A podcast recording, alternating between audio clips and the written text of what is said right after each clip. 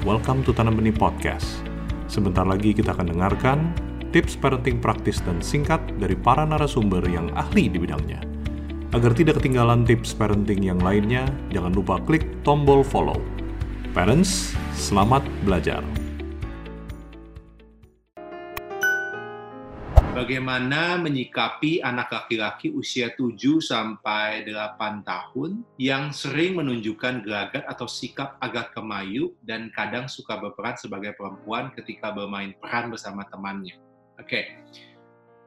Pertama, sikap kita sebagai orang tua kalau ngomong soal yang namanya orientasi seksual ya. Jadi istilahnya orientasi seksual ya. Itu kalau ngomong orientasi seksual anak, jangan terlalu cepat membawanya ke pemikiran anak saya gay atau lesbian nggak ya? Nggak, nggak produktif. Jangan terlalu cepat bawa ke situ. Karena kita jadi terlalu cepat menghakimi anak dan sangat mempengaruhi bagaimana kita memperlakukan dia dan mempengaruhi bagaimana kita menerapkan pendidikan seksual terhadap dia. Jadi mestinya bagaimana? Mulailah dengan yang namanya penghayatan mengenai jenis kelamin. Ya tanpa dipengaruhi apakah si anak laki-laki ini terlihat kemayu di mata kita. Karena begini pendidikan seks pada anak di masa katakanlah TK SD kelas 1 sampai kelas 3 lebih banyak mengenalkan soal perbedaan laki-laki dan perempuan.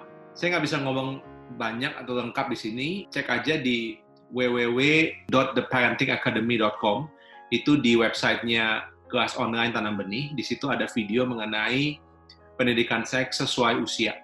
Ya, pelajari di situ. Tapi intinya anak-anak TK sampai SD kelas 1 atau sampai 3 itu kalau belajar pendidikan seks itu belajar soal laki-laki dan perempuan. Ya, bedanya di mana dan soal penghayatan mengenai kepriaan atau kewanitaan. Jadi artinya kalau dia laki-laki, maka dia belajar untuk menghayati dan bangga sebagai laki-laki. Kalau dia perempuan ya dia belajar untuk menghayati dan bangga sebagai perempuan. Tanpa ya sekali lagi saya tekankan tanpa menggunakan yang namanya rasa bersalah. Apabila anak kita tidak menunjukkan kewanitaan atau kepriaan yang cukup di mata kita. Juga perlu diingat bahwa rasa kepriaan atau keperempuanan itu banyak dipengaruhi oleh kadar hormon di dalam diri setiap orang, seperti hormon testosteron dan hormon estrogen. Artinya spektrumnya itu luas sekali, nggak hitam atau putih doang, nggak lah iya laki-laki atau bukan laki-laki, nggak nggak iya dan tidak seperti itu, ya luas spektrumnya.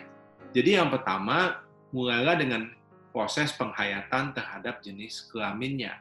Dan usia 7 sampai 8 tahun masih masuk periode ini. Dan yang perlu dilakukan oleh orang tua adalah mengajarkan penghayatan tersebut dengan lihat aja kepada ayah dan ibunya. Itu yang paling simpel sebenarnya tentunya kita sebagai ayah ibunya perlu terlebih dulu untuk punya penghayatan mengenai kepriaan dan kewanitaan yang seimbang dan dewasa. Ya, maksudnya seimbang dan dewasa adalah begini, misalnya saya bapak, tapi saya punya pemikiran begini, oh kalau laki-laki itu nggak boleh nangis. Apakah betul? Nah, jadi kita juga mesti sebagai orang tua punya ya penghayatan dan pemikiran yang benar mengenai kepriaan dan kewanitaan. Seperti itu. Nah, kalau kita sebagai ayah ibunya sudah pada tahap seimbang dan dewasa seperti ini, maka anak akan jauh lebih mudah untuk belajar.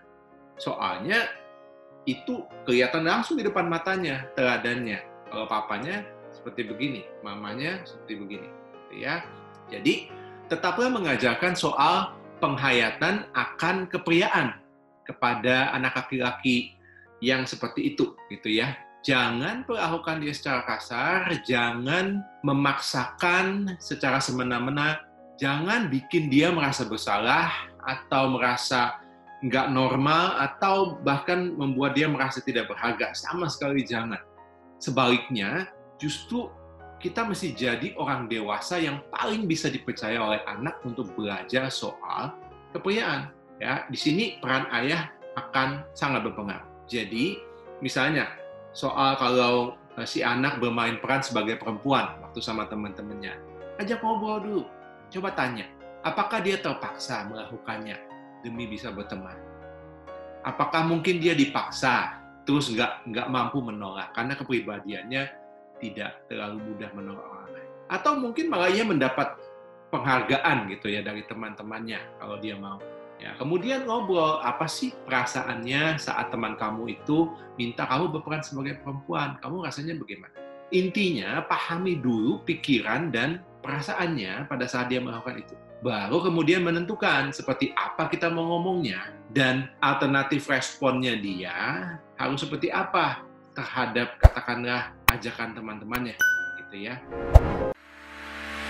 Anda baru saja menambah wawasan parenting Anda bersama Tanam Benih Foundation. Sekarang, waktunya diaplikasikan. Jangan lupa follow podcast Tanam Benih di Spotify agar tidak ketinggalan parenting tips yang lainnya. Ingat, tidak ada parents yang sempurna, tapi kita bisa terus belajar untuk menjadi parents yang lebih baik.